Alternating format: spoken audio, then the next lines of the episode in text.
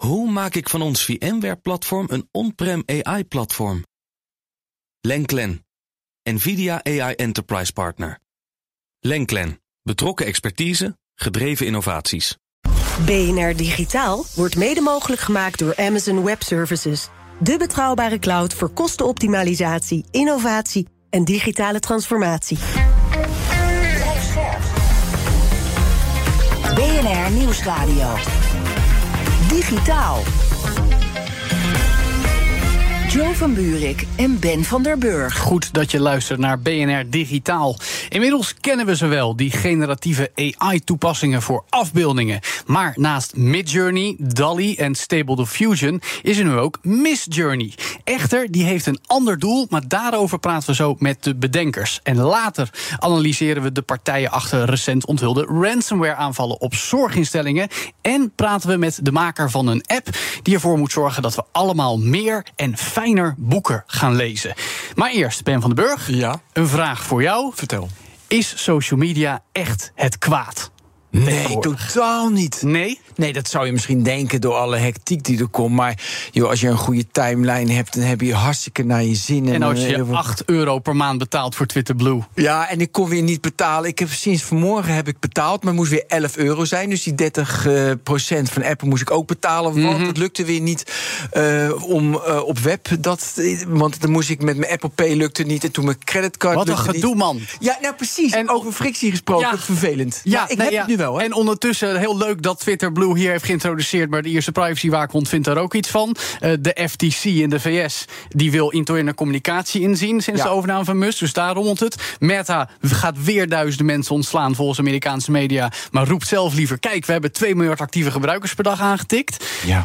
En dan denk ik: wat, wat gebeurt daar allemaal? Joe, dit is mooi. Want is het nu van we worden volwassen? Dit zijn allemaal stappen die je moet nemen. ja, of ze volwassen te struikelen worden. nu na 15 jaar. Juist. Of het is gewoon, ja, dit is struikelen en dan gaat alles dood. Maar ik denk toch dat het volwassen worden is. Ja, maar, nee, maar het is, we moeten af van dat winstoogmerk misschien, Ben. Nou ja, met, met decentraal en decentra- open source, Mastodon, het Fediverse... ook Ja. vlak dat af qua gebruikersaantallen. Maar dan is het toch in het belang van, van gewoon de mensen die daarop zitten... en niet de, de, de, de portemonnees van Ja de maar, ja, maar dan blijft het inderdaad klein. En dan heb je een paar mensen op Mastodon, dat is leuk om te doen. En die zijn leuk. Dat is ook goed, hè? Dat snap ik, maar het concept ervan... Het concept blijft briljant. Dus hartstikke mooi. Alleen uiteindelijk eh, heb je meer impact als je ook iets meer schaal hebt. Ja. Dus, maar misschien is dat voorbij. Want ik las een onderzoek van YouTube bijvoorbeeld. Dat de Gen Z. Weet je, die, die hebben van heel erg van. Als het voor mij is, persoonlijk is. Vind ik dat al genoeg. Ja. Dus die zijn er veel meer van op individuele basis. Dus misschien gaat het inderdaad daar naartoe. En dan is het heel, heel veel kleine niches. Maar nu heb je me te pakken, Ben, want op welk platform zit ik by far het meest? Op YouTube. Op YouTube.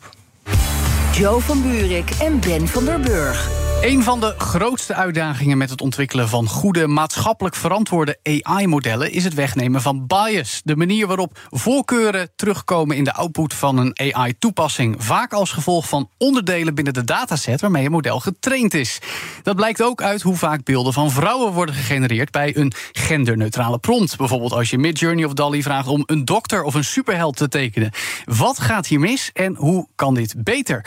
Daarover praten we met Helen Pink, mede-organisator van TEDx Amsterdam Women. Welkom Helen. Ja, dankjewel. Goed dat je er bent. Ehm, je bent van origine Engelstalig. Je bent al jarenlang in Nederland, spreekt goed Nederlands. Dus we gaan proberen het in Nederlands te doen. Eh, maar mogelijk schakelen we het naar het Engels. Ehm, om aandacht te vragen voor deze hele situatie... hebben jullie Miss Journey opgezet. Een AI-tool om juist vrouwelijke figuren te genereren. Ehm, doen jullie dat omdat AI de hype van het jaar is? Of zit hier een diepere boodschap in voor jullie? Ja, dit is echt een diepere boodschap. eh, omdat eh, Miss Journey is, is echt een eh, campaign om ehm, meer ehm, bewust te maken over unconscious bias. Ja. Um, um, AI is echt de, de technology van de toekomst. Het zit hier nu in de wereld en, en het komt meer en meer in, in onze wereld en in overal ehm, in, ons, in de technology dat wij zal even gebruiken. Ja, dus juist omdat AI nu zo in opkomst is, iedereen praat erover, iedereen wil er iets mee doen, juist ook bij bedrijven. Vinden jullie het belangrijk om nu aandacht te vragen voor bias en het tegengaan daarvan? Ja, absoluut. Omdat uh, als wij niet uh, aandacht geven aan bias nu in de ontwikkeling van AI, dan morgen is het te laat. Ja. En, en we zijn zo druk bezig met uh, de maatschappij en, en de verandering te maken om je bias um, uh, weg, te, weg te halen out of the society. Ja. Um, dat nu is de kans dat we kan beginnen met geen bias in een nieuwe technologie voor het te groot is. Ja, en dan ja. het probleem te groot is om te veranderen. Ja, we moeten er vroeg bij zijn, zeg je eigenlijk, om te voorkomen dat het straks nog lastiger is om het weg te nemen. Als we kijken bijvoorbeeld naar social media, dat bestaat al jaren en nu zijn we nog bezig om problemen die er toen eigenlijk ook al waren. Precies, Ja, precies. ja. Naast jou hebben we ook Sjors van Hoofd te gast, design director en medeoprichter van reclamebureau Ace. Ook welkom, Sjors. Goedemiddag. Hoe hebben jullie met elkaar Miss Journey bedacht? Nou, het begon natuurlijk met het feit dat wij uh, veel gebruik maken van deze nieuwe technologieën. Hè? En op een gegeven moment kwamen wij erachter dat op het moment dat je vraagt om een CEO of een dokter of een superhero, dat er eigenlijk ja, toch vooral mannelijke resultaten uitkwamen. Ja. Maar dat verbaast je toch niks, hè? Uh, Denk ik. Nee, we, we, snappen natuurlijk hoe de patronen werken en, en waarop het gebouwd is. Uh, maar daar begon wel het idee dat wij dit zagen. En uh, wij waren op dat moment ook wel, uh, wel na aan het denken over bepaalde zaken in de maatschappij, zoals we dat eigenlijk altijd doen. Ja. En ja, toen ontstond het idee van zouden we de mogelijkheid hebben om dit ja, om te draaien. Om iets te creëren wat aandacht vraagt voor dit onderwerp. Want dat is wel het belangrijkste. we hebben niet de illusie dat wij hier een nieuwe tool naast uh, grote spelers op de markt uh, ja. brengen.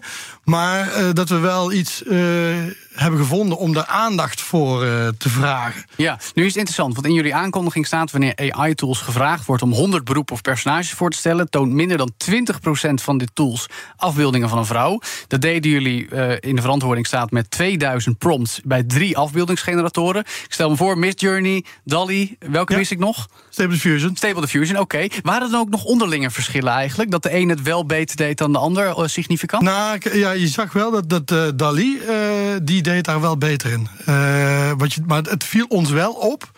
Het leek bijna of er wel een soort patroon in zat. Ja. Eh, dat, dat je het wel opviel dat je, je kreeg vier images... en dat daar dan één daarvan eh, toch wel vaak een vrouw was. Ja. Een beetje alsof het er ook wel bewust... ja, of ze er in ieder geval wel bewust ermee omgaan. Ja, ja, dat Maar ze er dan- eigenlijk misschien al aan bijsturen zijn aan de achterkant. Misschien al, zijn ze er mee bezig. Alleen, het lijkt nog steeds alsof daar niet iets, als het ware, een model op zit. wat eigenlijk controleert of checkt. Is de resultaten van die vier wel divers genoeg? Ja, maar een, een heel standaard voorbeeld is natuurlijk de Amerikaanse presidenten. Weet je, Ja. als je die zoekt, ja, dan krijg je een Amerikaanse president, want dat waren alleen maar mannen. Ja. Ga je dat, en dit is een campagne, dat snap ik, bewustwording, heel mooi. Maar ja, dan ga je hem ook weer biased maken als je zegt ze mogen geen man zijn. Want dat is ook weer een bias. Want je gaat het dan veranderen. Als de echte wereld man is, ja, dan is het een man. Nee, dat klopt, dat klopt. Maar we hebben het hier wel een hele lange discussie over gehad. ook aan het Ja. begin van het project. Ja. Kijk, ons doel is om awareness te creëren voor dit onderwerp. En op het moment dat wij nu eigenlijk iets naar buiten zouden brengen van, nou, we hebben iets gemaakt wat iets meer equal is, om het maar zo te zeggen, dan bereiken wij in onze ogen minder het doel. eh, Dat we aandacht krijgen voor het onderwerp. Ja. Kijk, wat we uiteindelijk willen, is dat natuurlijk de echte techspelers juist wel dat meer gaan doen. Dat snap ik. Daar kom ik zo meteen op. Helen, hoe, hoe heb jij gesignaleerd in je omgeving, in gesprekken met bedrijven, met mensen, dat ze hier ook tegenaan lopen? Of dat het misschien al misgaat? Dat je ziet van, nu gaan er een alarmbel rinkelen, we moeten hier nu iets mee doen. Eh, Heb je daar veel concrete voorbeelden van gemerkt de laatste tijd? Eigenlijk is het, uh, dit is onze lijf als uh, TEDx Amsterdam Women. Uh, dit is de vecht dat wij hebben voor, voor vrouwen, voor uh, empowerment of women. Um, en, en het is altijd onze doel om um, vrouwen te steunen. Um, met precies dit soort uh, uh, situatie. Het is in, in bedrijven, in, in overal in de maatschappij. Het is, het is echt uh, society en het is de, de bewust om unconscious bias te out the society te weg te halen. Ja. En, en het komt door alles. Maar um, specifically, het is uh, technologie. En als uh, de ontwikkeling of technologie en precies, uh, um, precies exactly nieuwe technologie, Mhm. net als AI, dan dit is onze kans te, een, een verschil te maken. Ja, precies. En dat is, dit is wel spannend, omdat alle, alle die andere situaties, we zijn druk bezig in een verandering te maken. Maar nu kunnen wij een verandering maken op het begin. Ja. En dat is wel en spannend en uh, makkelijker om te doen. Ja, maar dan ben ik toch benieuwd. Zou je dan liever hebben dat we een dataset trainen dat het meer equal is? Of een daadwerkelijke, of een daadwerkelijke dataset, zoals op het internet de meeste astronauten zijn mannen. Dus daardoor dan, uh, dus, dan, ja, dus dan houden we het zo. Wat heb je dan liever? Dus ik wil weten. Wat je dan, moeten we dan die dataset aanpassen? Ben, jij bedoelt volgens mij een beetje cynisch gezegd... Uh, procentueel gezien, als we kijken naar de geschiedenis... zijn de meeste astronauten man. Dus er komen automatisch meer astronauten Ja. mannen. Of moeten we naar een ideale voorgenomen situatie... waarin er een gelijke verdeling Ja. tussen mannen en vrouwen astronaut is? Ja, Nou, wat je eigenlijk natuurlijk in mijn ogen zou willen. Kijk, het, het rare is, als je iets genderloos vraagt. Dus ik stel Ja. bijvoorbeeld de vraag: een CEO of een eh, astronaut. Ja. Ja, dan, dan word ik eigenlijk krijg ik vier resultaten. Ja. En in dat creatieproces, dus dat is natuurlijk wel interessant. In het creatieproces is dat vaak een soort startpunt. Daar kijk je naar en zeg je: hé, hey, ik ga daarop door. Maar het stuurt meteen iedereen in een bepaalde hoek. Je bent, bijna, je bent eigenlijk nu verplicht om het woord female aan toe te voegen. Wil je er eigenlijk ook een vrouw tussen? Nee, maar het vo- het komt volkomen terecht. Maar de vraag is dan: moeten we hem dan trainen dat er meer ehm, vrouwen ook bij zitten, zodat de uitkomst ook meer vrouwen zijn? Ja. Of zeg je van: we doen automatisch eh, dat wij female toevoegen? ja. Of, of is het gewoon... Ik denk dat, ik denk dat de, de, de oplossing. In, er zijn volgens mij meerdere wegen Ja, nee, naar. Rome eh, in dit geval. En wij kunnen niet onder de motorkap kijken, natuurlijk, van de echte grote spelers. Maar in de, in de kern geloof ik wel dat het trainen, beter trainen van dat soort modellen, wel belangrijk is. Kijk, Ja. die, die, die, deze modellen zijn getraind door, eh, eh, eh, door enerzijds techniek. En voor een gedeelte ook door mensen die op een gegeven moment ooit hebben gezegd. Als dit een astronaut is, dan ziet hij er zo uit. Juist, helder. Als, als het ware. Hè, ehm, en dat is onbedoeld, is daar een bias in geslopen. Ja. En dat is, als dat de core is van waar we dadelijk in de toekomst nieuwe technologie op gaan doorbouwen.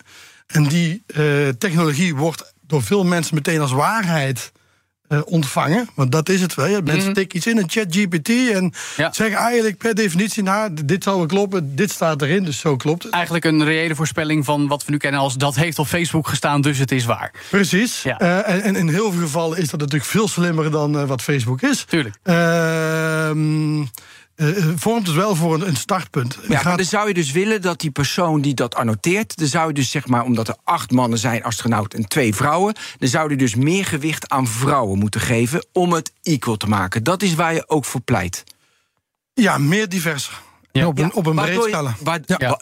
ja, waardoor de uitkomst wel 50-50 Maar nu, nu heb ik er nog eentje, juist ook voor Helen. Hè. Eh, mijn collega Lisbeth Staats, eh, vrouw, radiopresentatrice... probeerde bij Dolly female radio host. En kreeg alleen maar blonde vrouwen. Eh, zoals we dat, dat beeld vaak zien bij bepaalde Amerikaanse zenders. Eh, Hoe, hoe diep moet je gaan? Ik bedoel, eh, gender is één ding. We hebben etniciteit, we hebben haarkleur bijvoorbeeld ook. Misschien superficial. Hoe ver, hoe ver moeten we daarmee gaan volgens jou? Ja, uh, so the begin is voor voor on no bias of vrouwen, maar het is ook op bias, uh, unconscious bias voor iedereen. Er zijn veel uh, underrepresented groups uh, daar. En als we kan het niet voor uh, vrouwen doen, we zijn 50% van de populatie. Dan Ja. we kan het niet doen voor andere nationaliteit, uh, geloofs, uh, kleur.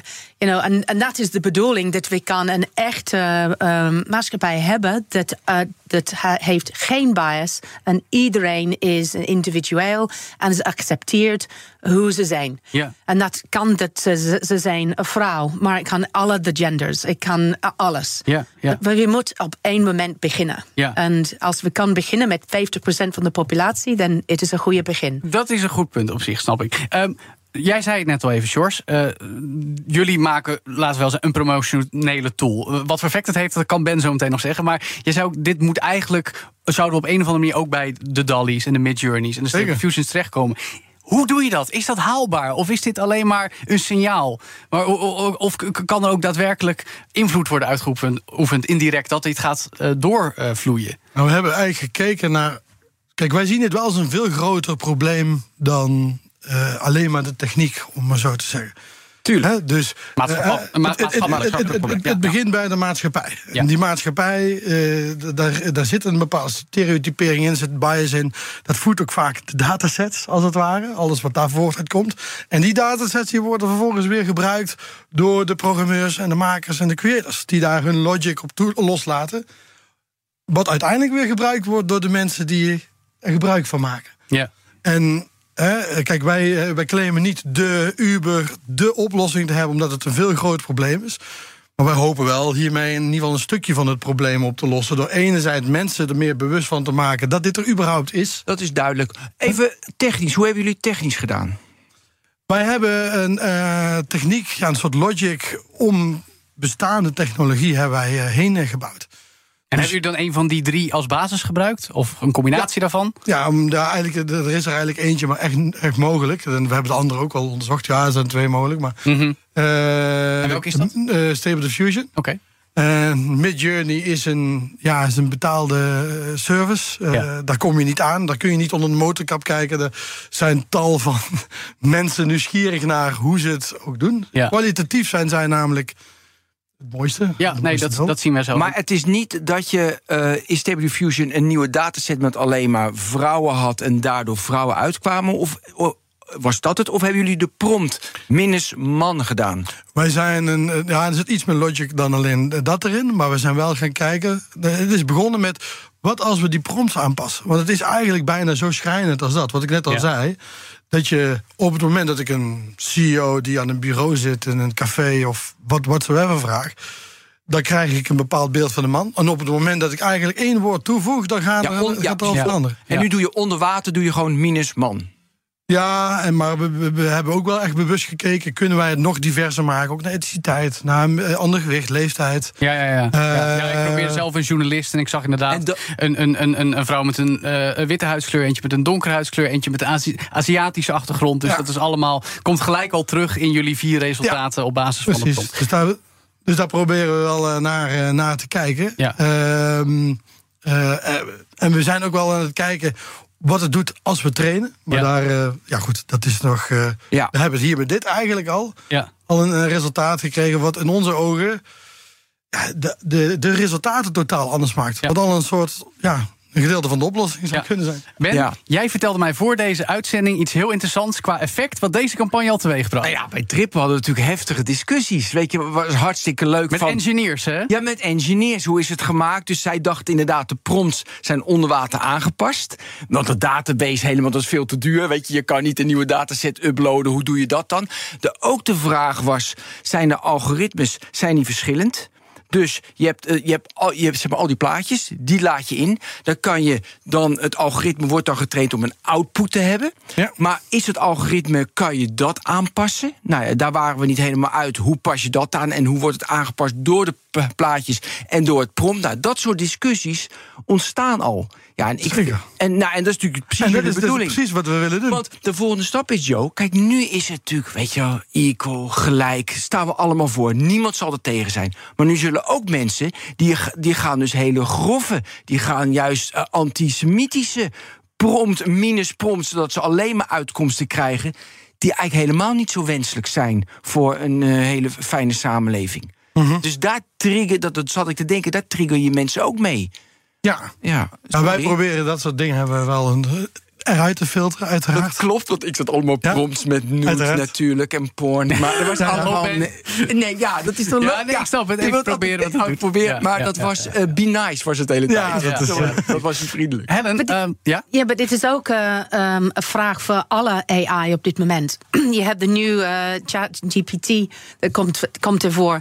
En iedereen denkt, ja, nou wauw, wat een technologie. Het helpt de studenten om essays te schrijven, maar dit, het helpt heel veel. Maar waar neemt het eh, in de toekomst? Wat is de bedoeling van, dit is wel slim, het is wel spannend, maar wat, wat, wat, waar, waar neemt het. Uh, waar gaat where does it naartoe? take us? Waar Ja. neemt het ons naartoe? Ja. En dat is ook een probleem met, met AI. Is dat hoe ver moet je het eh, gelijk hebben? En hoe, hoe ver. En dat, dat is ook een probleem. En wij moeten het even goed nadenken over de ontwikkeling van alle die nieuwe technologie. En dat het is in, in een goede manier gemaakt. En, en niet alleen, oké, ja, Whippy, het is leuk om te, om te gebruiken. Maar het is wel you know, goed gedaan en, eh, en goed gedacht. Ja, en tot slot dan, hè, is AI nou het belangrijkste topic, de belangrijkste dreiging? Of zijn er meer technology topics waar jij van zegt, vooral Helen, daar moeten we extra bewust mee bezig zijn om die diversiteit, die representatie van vrouwen goed naar voren te laten Ja, komen? dit is, is dus erg, erg goed. Omdat you know, representatie is echt, echt belangrijk in alle stukjes van eh, de maatschappij. Het is eh, you know, ehm, representatie in de ontwikkeling van, van technologie en AI. Het is de representatie of hoe, hoe een stad is eh, designed. Ja. Hoe een gebouw is gemaakt. Hoe het theater met, eh, met, eh, met de, de washrooms is gemaakt. Dus je hoeft niet zo lang in de rij te wachten voor vrouwen. Ja. Maar je, je, wel, je wacht niet zo lang voor een man. Waarom is dat? Omdat de, de representatie van vrouwen was niet genoeg. Ja. Het is zo belangrijk dat, dat vrouwen zijn in het proces, meer dan nu, eh, in, in die ontwikkeling van technologie eh, en bij- bijvoorbeeld AI. Ja. En de- dat is de, de, de bericht in onze campagne van eh, Miss Journey. Ja, nou, dat klinkt in ieder geval heel goed. En het feit dat we het erover gehad hebben, zorgt er weer ervoor dat Heerlijk. het doel een beetje bereikt is. En we hier in ieder geval over zullen blijven nadenken en praten. Dank Helen Pink, mede-organisator van TEDx Amsterdam Women. En Sjors van Hoof, design director en medeoprichter van ACE. En straks hoor je wat je weten moet over Black Cat. En nee, dat is in dit geval absoluut geen leuk en eigenzinnig huisdier. En we gaan weer boeken lezen, maar dan wel in hapklare brokjes. Met dank aan een app. Blijf luisteren. BNR Nieuwsradio. Digitaal. Joe van Buurik en Ben van der Burg. Welkom terug bij BNR Digitaal. Meer boeken lezen, maar te weinig tijd. Wellicht biedt de app Immer uitkomst. Of dat ook voor ons in de studio werkt, stellen we zo meteen vast. Want eerst, begin deze week bereikte de strijd tussen cybersecurity-partijen en ransomware-groeperingen zo mogelijk een nieuw dieptepunt. Hackers publiceerden naaktbeelden van Amerikaanse borstkankerpatiënten om op die manier hun slachtoffer, een ziekenhuis in dit geval, af te persen. En ook in Nederland was het weer raak, want daarbuiten kwam een ransomware-aanval op een zorginstelling in het oosten. Hebben we hier te maken met een zorgelijke trend? En hoe zorgen we ervoor dat de aanvallers niet winnen? Dat vragen we aan ethisch hacker Sanne Maasakkers. Nu bij ons op afstand. Welkom Sanne. Hey, goedemiddag. Hi, goed dat je bent. Sanne, ben je het eens met de uitspraak dat deze aanval op een Amerikaans zorginstituut een nieuw dieptepunt vormt? Zeker, dit is gewoon afschuwelijk. Eh, dit zijn mensen die al ontzettend kwetsbaar zijn. En dat dan ook nog dit soort informatie, dus foto's van hen op een kwetsbaar moment zo uitlekken, eh, dat kan echt niet. Ja, dit is dus het werk van een groepering die wordt aangeduid als Black Cat. Eh, Waar kennen we die nog meer van? Nou ja, officieel heten ze, heten ze Alf V. Ehm, eh, maar we gebruiken de naam Black Cat een stukje vaker omdat ze foto's van, van een zwarte kat gebruiken op de eh, pagina waar zij al hun lekken aankondigen. Ehm, nou ja, de naam is misschien nog niet heel erg bekend, ook al zijn ze de tweede grootste eh, ransomware groepering die er is. Maar je zou misschien eh, ze wel kunnen kennen van eerder. Ze hebben namelijk een aantal ja, marketingstrategie of rebranding fases doorlopen. En vroeger stonden ze ook wel bekend als Darkseid en Black Matter. Ja. En vooral Darkseid zou je misschien kunnen kennen van de aanval op de Colonial Pipeline. Kijk aan. Dan heb ik ook een vermoeden, eh, en eigenlijk wist ik het al, maar leg jij het vooral uit aan welk land Black Cat gelieerd is en, en hoe die banden lopen? Ja, ze zeggen dat het dus eh, vanuit Rusland komt. En eh, nu is het zo dat dit soort ransomware ook wel eh, ransomware as a service genoemd wordt. Dus eigenlijk zijn het mensen, steengoede ontwikkelaars, die echt ontzettend goede ransomware kunnen schrijven. En dit juist verhuren aan andere partijen of cybercriminelen om daar gebruik van te maken. Ja. Dus ze zijn niet de volledige aanvalverkopers, maar alleen dat stukje ransomware. En op die manier kunnen cybercriminelen eigenlijk een beetje hun eigen aanval bouwen. Ja. Met verschillende bouwstenen. Ja, Sanne, kun je iets meer vertellen hoe geavanceerd die software is en wat de ontwikkeling daarin is? Ja, nou, dit, uh, dit, wordt steeds, uh, ja, dat wordt steeds geavanceerder natuurlijk. Ik heb er even naar gekeken. En dit soort uh, ransomware wordt tegenwoordig ook nog geschreven in Rust. Een nieuwe programmeertaal, een, een programmeertaal die re redelijk nieuw is. En dus ook steeds lastiger te detecteren of te analyseren is door malware-analisten. Dus mensen die kijken naar deze malware, wat die precies doet. Um, ja, ze moeten natuurlijk ook wel vooruitstrevend blijven. Want ze moeten klanten binnenharken daarmee. Dus hoe geavanceerder hoe beter. Maar vaak herken je nog zeg maar, oude ransomware in. Is dit opnieuw geschreven of is het voortbedurend op oude ransomware? Dat is lastig te zeggen. Uh, daar moet je er echt diep voor uh, induiken. Uh, maar je ziet zeker wel bepaalde ja, strategieën, technieken die opnieuw en opnieuw gebruikt worden. Ja, ik verwees net al even naar, hè, maar gisteren was ook in het nieuws uh, deze week dat een uh, oudere instelling in Gelderland, ook een zorginstelling dus, is uh, slachtoffer geworden is van zo'n aanval. Daardoor zijn paspoorten van doktoren en andere gevoelige informatie op het dark web beland. Maar daar zit weer een andere groepering achter, Quilin met een Q. Wat kun je daarover vertellen? Ja, Qlin is best wel een, uh, een, een, redelijk onbekende eigenlijk. Daar is nog heel weinig over te vinden. Maar zij gebruiken eigenlijk ook hetzelfde model, zoals uh, Black Hat dat gebruikt. Ja, en de, naam suggereert dat die misschien wat meer in, het Verre Oosten banden hebben. Of, of, of kunnen we dat niet met zekerheid vaststellen? Dat zou ik zo niet kunnen zeggen. Nee, Dat is sowieso erg lastig om dat, uh, om dat uh, te identificeren waar ze precies vandaan komen. Ja, wat, wat wel, wel, opvallend is, Sanne. Ik weet nog, ik zat twee jaar geleden een keer in gesprek met een cybersecurity bedrijf. En die zeiden er is toch een soort ja, ongeschreven code, een afspraak dat cyberaanvallers zich nooit op zorginstellingen gaan richten. Zeker niet omdat toen nog in de coronapandemie zaten. Nu gaat dit wel om heel specifieke situaties. Maar goed, borstkankerpatiënten hebben het natuurlijk al vreselijk moeilijk. Mm -hmm. Waarom zijn nu juist zorginstellingen het doelwit? Eh, hebben ze daar een, een belang bij? Of, of vinden ze dat, is dat makkelijker om aan te vallen? Wat kun je daarover zeggen? Nou, allereerst, wat ook wel heel erg frappant is in deze casus, is dat ze wel zelf een statement naar buiten hebben gebracht dat ze niet op staatsziekenhuizen zouden gaan richten. Nou, dan zie je dus wel dat ze op dit soort klinieken gaan richten. Ja. En ja, waarom richten ze zich dan op uh, ziekenhuizen? Uh, ja, dat kunnen meerdere redenen zijn. Allereerst uh, kan het zijn omdat ziekenhuizen, ja, die hebben natuurlijk ontzettend veel systemen binnenstaan, zoals MRI-scanners of hartmonitoren en dergelijke. die kan je niet zomaar updaten. dat kan best wel eens zijn dat dat dat dat gewoon wat verouderde software is die niet zomaar kan updaten. En dan moet je additionele maatregelen nemen. Um, dus het is wat lastiger om te beveiligen. En aan de andere kant, medische data is gewoon ontzettend veel waard um, in de criminele wereld. Veel meer waard bijvoorbeeld dan een, eh, een, een creditcardnummer. ja, is dat, is dat een nieuwe trend? Dat ze zich nu juist ook op die gevoelige data van zorgpatiënten en instellingen gaan richten? Of, of, of hebben we dat gewoon lang niet gezien en komt het nu toevallig in het nieuws, zeg maar? Nou ja, de laatste tijd komt het wel bijzonder vaak in het nieuws. En ook als je kijkt naar waar, uh, waar um, ziekenhuizen en andere zorginstellingen uh, zich druk op maken, dan is dit zeker wel eentje die, uh, die voorbij komt. Ja, wat kunnen we nou beter doen? Hè? Want we hebben de bekende credo's van paswoordmanager, tweestapsverificatie, alles updaten. Zowel voor consumenten als voor zakelijke instellingen. Maar wat kunnen we nou nog verder concreet doen om hier een vuist tegen te maken? Of, of blijft het eigenlijk gewoon dweilen met de kraan open? Het dweilen met de kraan open zou ik niet zeggen. Ik bedoel, um, we houden het een beetje in stand doordat aanvallers steeds slimmer worden, maar wij moeten ook steeds slimmer worden. Als je echt puur kijkt naar hoe um, um, mensen binnenkomen of criminelen binnenkomen. In het geval van Black Hat ransomware was het voornamelijk door software die outdated was, dus niet up-to-date. Of uh, doordat er uh, bepaalde uh, ja, systemen direct aan het internet hingen met slechte authenticatie. Dus met bijvoorbeeld een erg slecht wachtwoord.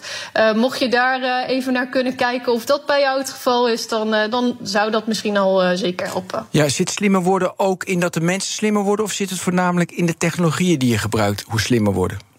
Nou, beide. We moeten goed kijken naar hoe wij onze systemen een stukje veiliger kunnen maken. Uh, kunnen wij detecteren wanneer er een aanval binnenkomt, bijvoorbeeld. En daarnaast moeten we ook uh, kijken hoe we onze mensen binnen de organisatie slimmer kunnen maken. Want die kunnen de extra laag bovenop de techniek vormen om uh, kwaadaardigen buiten de deur te houden. Ja, dan heb je altijd de vraag hè, bij dit soort ransomware aanvallen: betalen of niet betalen. We weten bijvoorbeeld van deze nieuwsaanleidingen die via RTL Nieuws en Daniel Verlaan naar buiten werden gebracht, dat ze daar eigenlijk ja, terughoudend uh, uh, tegenover staan. In ieder geval uh, daar in de VS. Um, ik kan me voorstellen dat de afweging met de zorginstelling anders is. Want het zijn al mensen die het zo moeilijk hebben. Het is een gevoelige data. Verandert dat iets in de afweging of je wel of niet ingaat op de eisen van zo'n cyberaanvaller? Nou, ik snap heel goed waarom je niet zou betalen. Want daarmee hou je natuurlijk het hele criminele circuit in stand. Ik vond het nu alleen wel uh, een, een. Ja, het is een statement die naar buiten is gebracht van wij gaan niet betalen, want uh, we willen dit niet in stand houden. Met eronder wel van ja, er is heel veel informatie van de meest kwetsbaren gelekt. Dus ik vond dat een beetje scheef uitgedrukt. Ik kan me in zulke gevallen wel voorstellen dat je kosten wat het kost ervoor wil zorgen dat dit niet uh, zomaar publiek wordt. Ja, dus... maar goed, voor mij is het misschien wat makkelijk praten. Uh, voor hen zou het een ontzettend lastig dilemma zijn. Ja, maar het is wel aardig om naar die grens te kijken. Dus jij zegt, hier, nu moet je wel betalen, want het zijn ziekenhuizen, hele, hele, hele gevoelige data. Dus dan moet je wel betalen. En is het gewoon een bedrijf, weet je, en er ligt wat data op straat, dan moet je niet betalen. Is dat de grens of heb je nog andere grenzen? Nou ja, er zijn denk ik wel wat meerdere grenzen. Ik bedoel, ik, het is heel erg lastig te bepalen of ze nou wel of niet moeten betalen. Maar als jouw hele ziekenhuis een week lang niet operationeel... Ja, ik zeg dan gelijk betalen hoor. Want, het, want, want de belangen ja. zijn zo groot dan. Zeker, ik, ik, ik, zou daar persoonlijk ook naar neigen, maar ik sta niet in, uh, in de schoenen daarvan. Plus moet het slachtoffer uh, moet die opdraaien van uh, dat ze zorgen dat je het in stand houdt, of moeten andere instanties zorgen dat cybercriminaliteit niet in stand wordt gehouden? En nou, volgens mij. Ik vind persoonlijk dat als je zelf hebt verzaakt in de, in de veiligheid hiervan, dat daar uh, de mensen niet te dupe van moeten zijn. Ja, dus je zegt de verantwoordelijkheid ligt bij de zorginstelling. Ja. Ja, oké. Okay. Nou, uh, tot slot dan nog, hè. juist in dat soort onderhandelingen, hè, uh, kunnen we die cybercriminelen op het moment dat je dan toch besluit, nou misschien gaan we maar betalen, wel vertrouwen? Of, of, of word je eigenlijk altijd genept als je dan wel ingaat op die eisen? Nee, in bijna alle gevallen, wanneer jij in onderhandeling bent met zo'n uh, met zo'n aanvaller en jij besluit te betalen, dan, uh, dan krijg je uh, je gegevens terug, worden die vrijgegeven en zullen ze ook niet die informatie lekken. Want als ze dat niet doen, zijn ze gewoon een businessmodel kwijt. Doe ja. dat te vaak en mensen gaan niet meer betalen. Het is wel dat je nog een hele tijd met die onzekerheid zit. Want je informatie is wel in handen van anderen geweest. Dat hoeft niet, nu niet per se tot uiting te komen, maar dat kan wel over een paar jaar alsnog ergens zijn beland en een staartje krijgen. Ja, en dan zit je alsnog met de gebakken peren in deze toch al heel ja. erg nare situatie. Dank in elk geval voor de toelichting, ethisch hacker Sanne Maasakkers. Digitaal. De Boekenweek staat weer voor de deur. En dus ja. ook je jaarlijkse confrontatie, Ben. Ja, jij ja, ook. Fijn. Dat we veel minder boeken lezen dan we zouden willen. Of moeten, misschien wel zelfs. Maar om ons daarbij te helpen is er een Nederlandse start-up... die uh, werkt aan Immer. Een app die boeken lezen op allerlei manieren beter in ons leven moet laten passen. Of dat allemaal een beetje werkt en hoe lastig het is om dat voor elkaar te krijgen... vragen we aan de CEO van Immer, Niels het Hoofd. Welkom in BNN Digitaal, Niels. Goedemiddag, hoi. Fijn dat je er bent.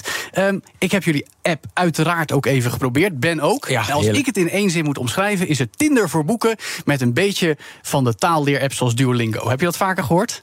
Uh, vind ik een mooie omschrijving. Ja, dankjewel. Nou, ja, maar... Ik had het zelf haast niet beter kunnen nee, doen. Niet. Jij, Ben, heb jij een betere omschrijving? Nee, Tinder voor boeken. Ja, ja, ja prima. Ja, maar, maar goed, dat is het zoeken dan. Hè? En uiteindelijk gaat het natuurlijk om het lezen. Ja, want dat is even voor de goede orde, hè, Niels. Uh, Immer is duidelijk bedoeld om mensen meer boeken te laten lezen. Uh, wat is jullie elevator pitch om dat te bewerkstelligen?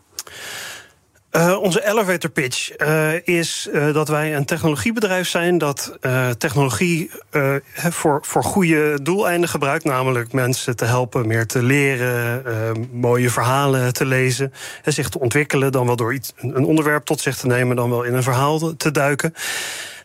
En wij zijn daarbij heel erg op, op wetenschap gestoeld. Hè. We zijn echt een door wetenschap geïnformeerd bedrijf. We hebben heel veel bestaande leeswetenschap tot ons genomen, onderzoek gedaan, bijvoorbeeld samen met de Radboud.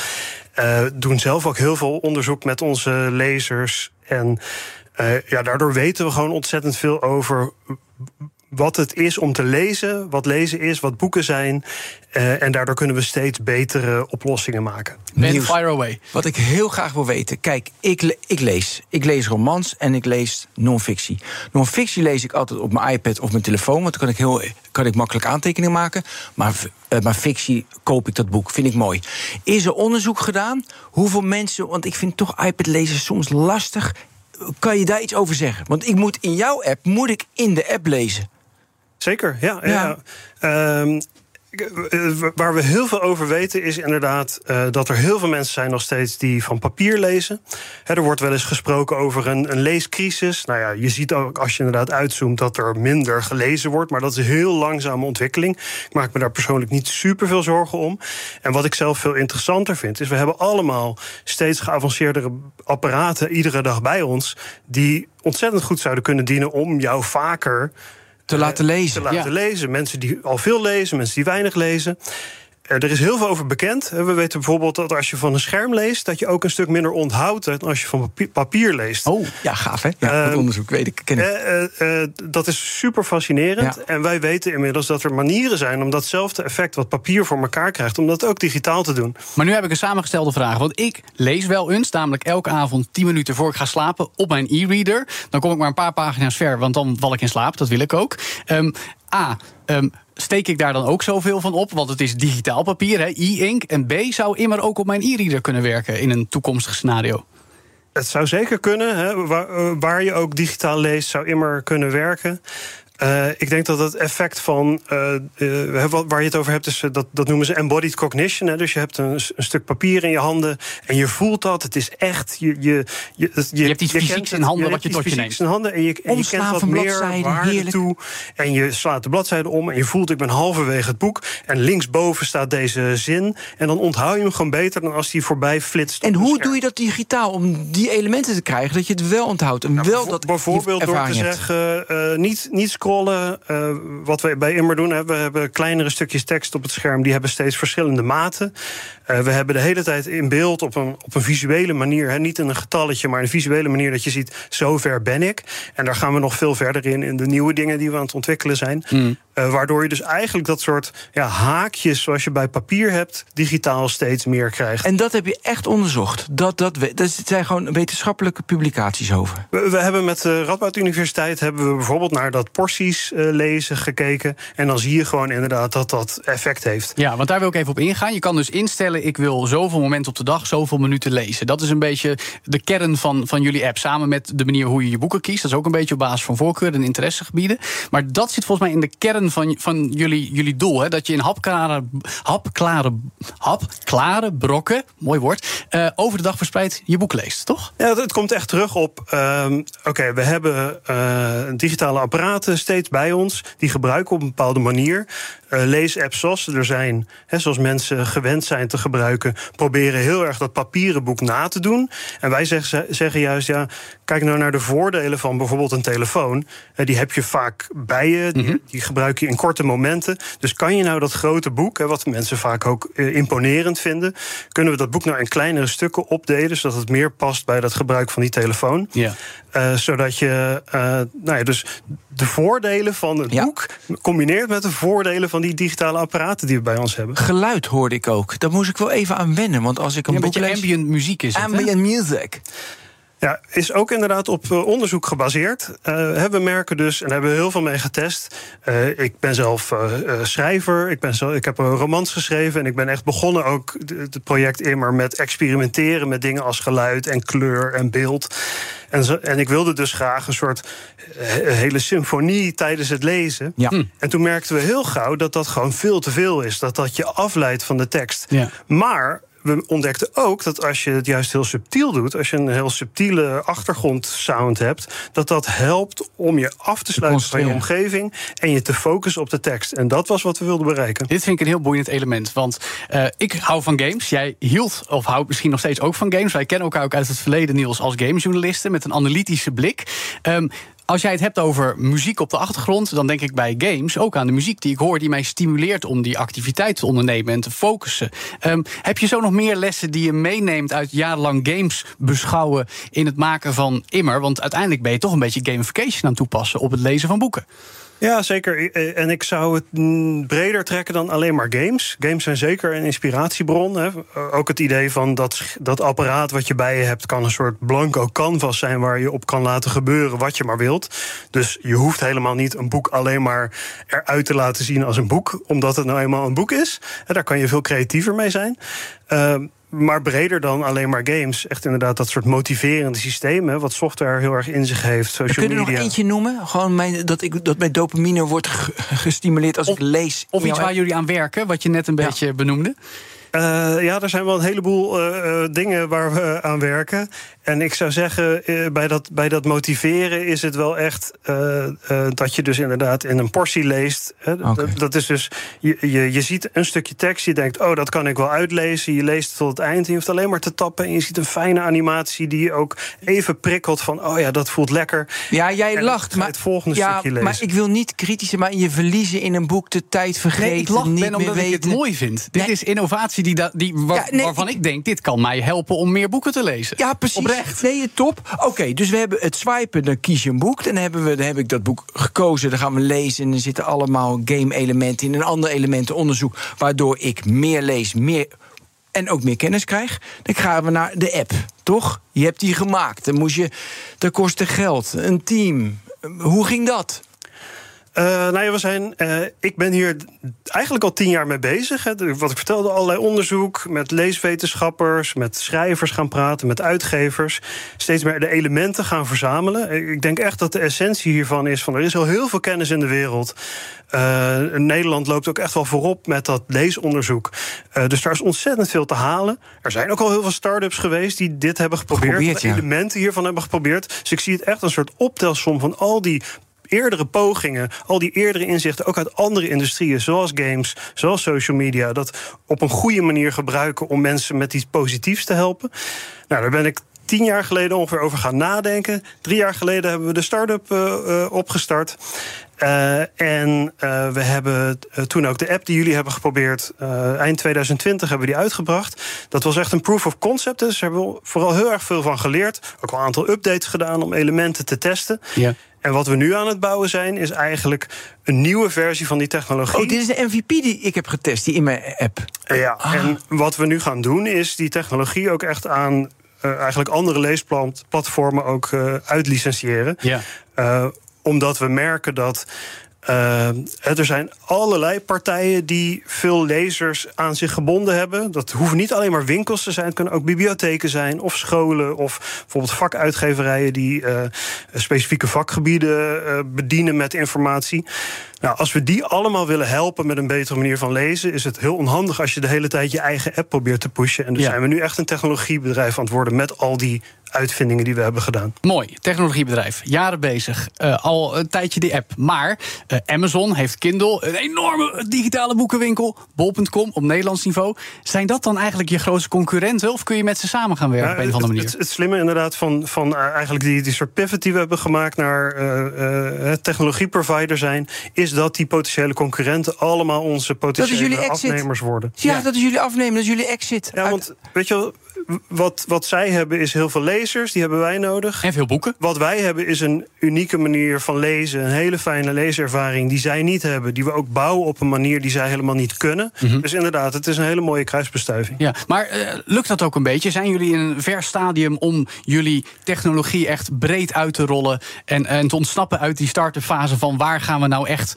op mee kunnen liften? Ja, dat gaat best wel goed. Ja, we zijn met een aantal grote partijen bezig om zeg maar, die nieuwe versie van de technologie klaar te stomen om dit jaar te gaan lanceren. En dan ga je onder licentie verkopen aan Bol, aan eh, Amazon. Co- ja, precies, hoe heten ze allemaal? Ja, aan, Books, aan iedereen Apple, die het maar wil hebben. Eigenlijk Ja, onder iedereen die, licentie. die lezers als klant heeft. Iedereen die, die boeken als product heeft. Of je het nou koopt of uitleent of eh, een abonnement opneemt.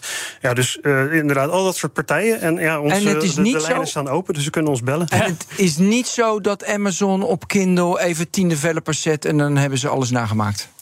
Ja, wij zeggen daar, de- deze vraag krijgen we heel vaak. Ja, tuurlijk, Eh, ja, dat is een standaard ja, vraag. ja. We, we zijn hier tien jaar mee bezig. Zij zijn, eh, Kindle is 2007 of zo, dus 15 jaar. Is er zo'n 15 jaar hebben ze Die, hierover die na aan het denken zijn? leeservaring is al 15 jaar wat die is. Hè, een soort, wat ik vind, een slap aftreksel van het papieren boek. Een soort middelmatige versie van dat papieren boek.